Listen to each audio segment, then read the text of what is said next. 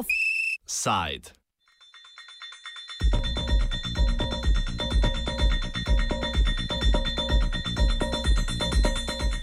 Pobuda za nedoločen čas.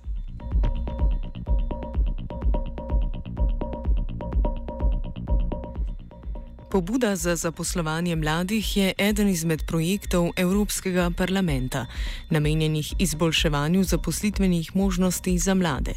Ta teden je parlament odobril še dodatnih 500 milijonov evrov za ta projekt, ki je sicer težek 1,2 milijarde evrov za obdobje 2017 do 2020.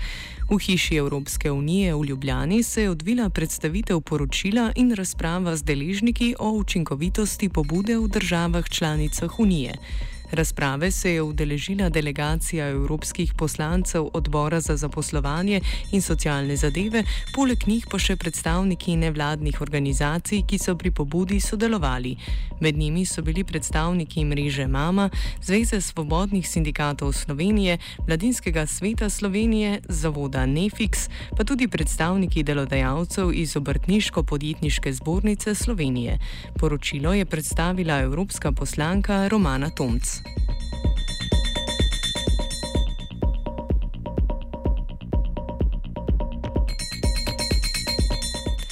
Med problemi, ki so jih ugotovili pri sestavljanju poročila, je Tomci izpostavila predvsem zahtevnost iskanja ustreznih kazalnikov uspešnosti pobude.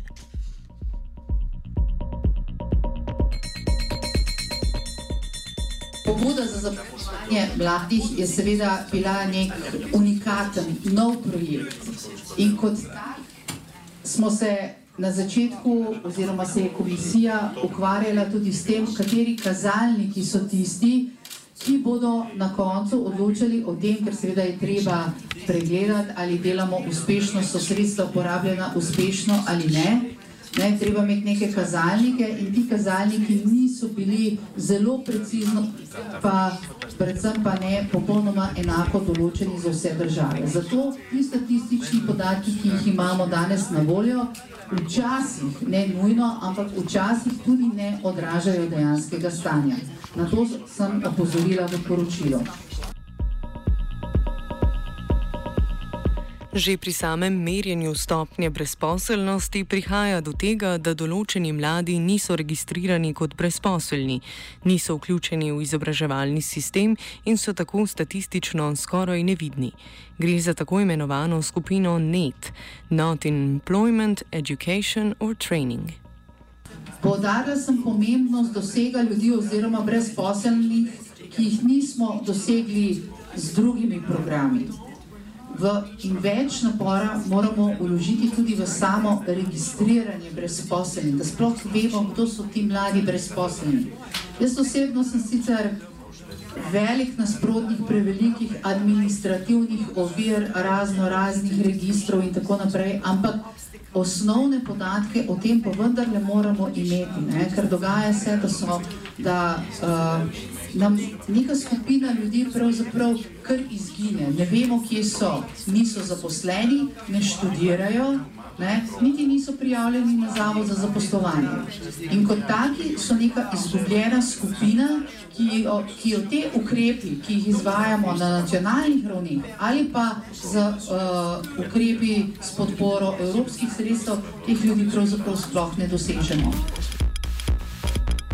Prav tako je Tomc kot problematično izpostavila razumevanje držav članic, da se evropska sredstva v okviru pobude za zaposlovanje uporabijo na mesto državnih sredstev, ki bi bila potrebna na tem področju.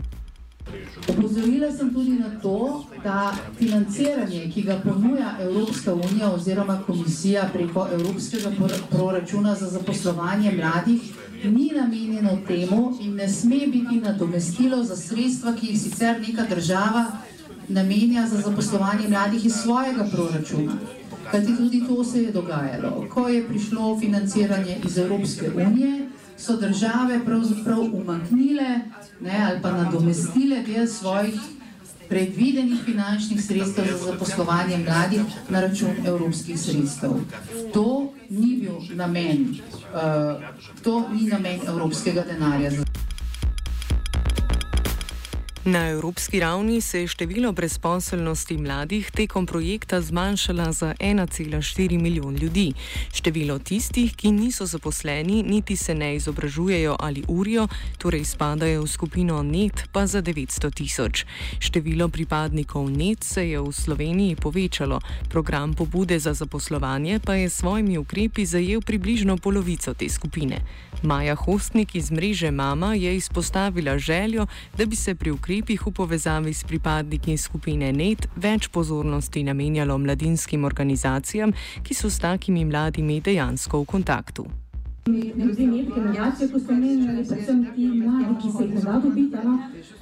nekako opažam, da dejansko vsi različni evropski razpisi, ki so namenjeni za definiranje in preiskanje tovrstnih uh, mladih, no? Niso tako targetirane na mladinske organizacije, ki imamo dejansko res neposreden dostop do mladih in pa neposredno aktivacijo do mladih. Tako da mogoče tudi tukaj opažamo nek tak manjko, ki bi se lahko marsikaj še naredilo, da je pač mladinske organizacije mi tisti, ki delamo v neformalnih okoljih, imamo neposredno dostop do mladih, dobili še več spodbud za uh, iskanje mladih. Slovenija v ugotovitvah poročila iz oktobra 2016 sicer od vseh držav članic v največji meri zmanjšala brezposelnost, kar je Tomc izpostavila kot velik dosežek. Želimir Stanič iz Zveze svobodnih sindikatov Slovenije je opozoril, da se je na račun zmanjšanja brezposelnosti povečalo število zaposlitev za določen čas. Slovenija je po številu zaposlitev za določen čas v samem vrhu Evropske unije.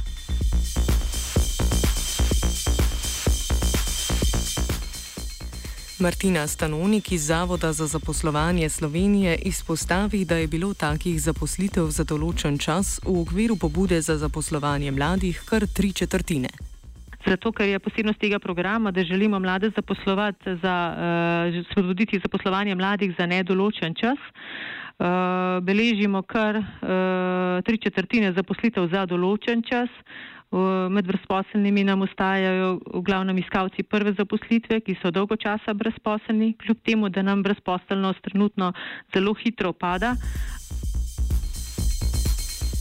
Med skoraj 1900 ljudmi, ki so bili vključeni v programe v Sloveniji, financirane iz pobude za zaposlovanje, so do sredine lanskega leta po izteku subvencioniranja le štirje nadaljevali s procesom izobrazbe, vajeništva ali zaposlitve. Večina udeležencev razprave je povdarila pomankanje dolgoročnih ukrepov znotraj pobude.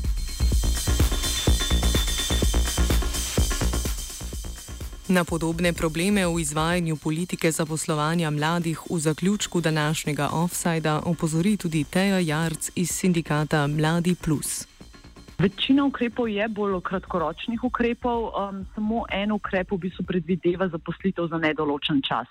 Uh, eden izmed več kot 50 ukrepov, ki jih naša schema jamstva za mlade vsebuje.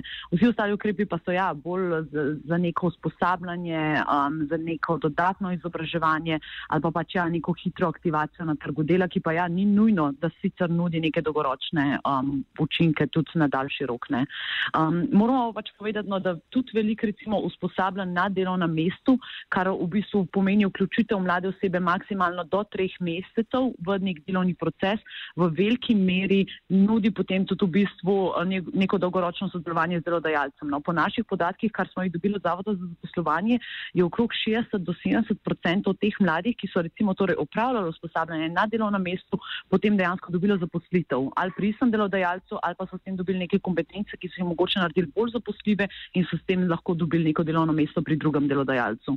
Um, tako da tudi nekateri kratkoročni učinki imajo dolgoročne posledice, ki so pozitivne, um, vendar po našem mnenju seveda ja, je teh dolgoročnih vizij zaenkrat še premalo.